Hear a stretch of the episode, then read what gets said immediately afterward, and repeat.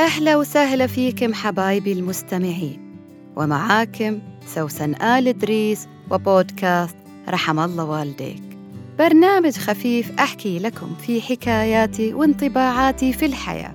اللي أرجو إنها تعزف على وتر في وجدانك من زمان ما سمعته أو كنت غافل عنه عشان بعد ما تسمعني تدعي لي وتقول رحم الله والديك.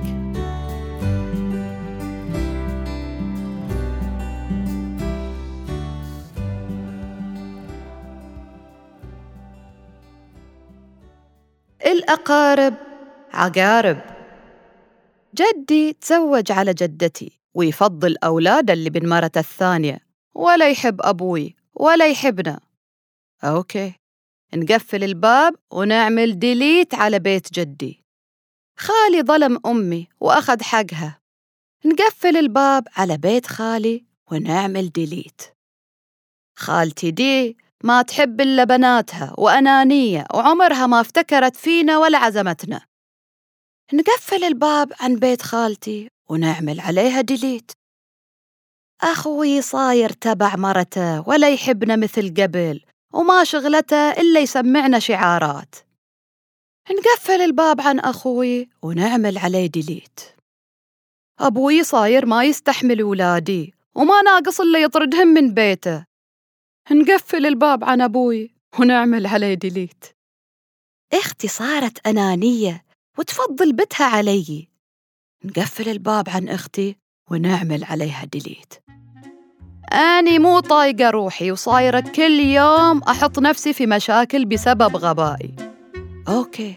أعمل delete على نفسي و خلاص ضيقتي الدائرة. لحد ما صرتي تتخانقي حتى مع نفسك. ما هو خلاص ده صار العادي عندك. قفل قفل قفل. لحد ما لقيتي أحد تقفلي عليه وبتنفصلي حتى عن نفسك. معقولة نوصل لهالدرجة؟ إيه معقولة. لما ما نتسامح ولا نعطي العذر ولا نتقبل الخطأ وين إحنا عايشين؟ عايشين في دنيا. كل إله فيها مطامع مختلفة وكل واحد يسعى لمطامعه بطريقة مختلفة ونختلف في درجات تهذيب النفس. فاللي ما فلح في تهذيب نفسه في جانب معين لا تعتبر نفسك أحسن منه لأن أنت بعد مخفق في جوانب. ما في أحد فينا كامل مهما بلغ بك الغرور إنك كامل ومتسامح. ترى فيك نقص. وأكبر نقص فيك إنك مو مستحمل أخطاء غيرك. ومعتبرنها جرايم بينما أخطائك أنت تعتبرها شيء بسيط لأنك في نظر نفسك نيتك طيبة.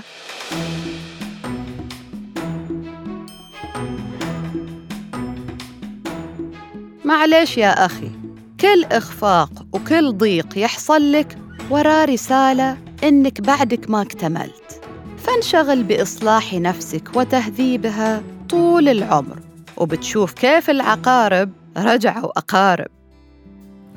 ونقول لكل من حاسب نفسه وترك حساب العقارب آه أقصد الأقارب على رب العالمين.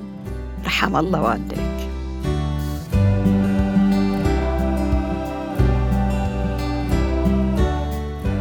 كنت معاك أنا سوسن آل إدريس. لا تنسى تشارك الحلقة مع اللي حواليك وتتابعني على حساباتي في السوشيال ميديا واللي حطيتها لك في وصف الحلقة. الحين أقدر أقول لك أتمنى لك يوم جميل ورحم الله والديك.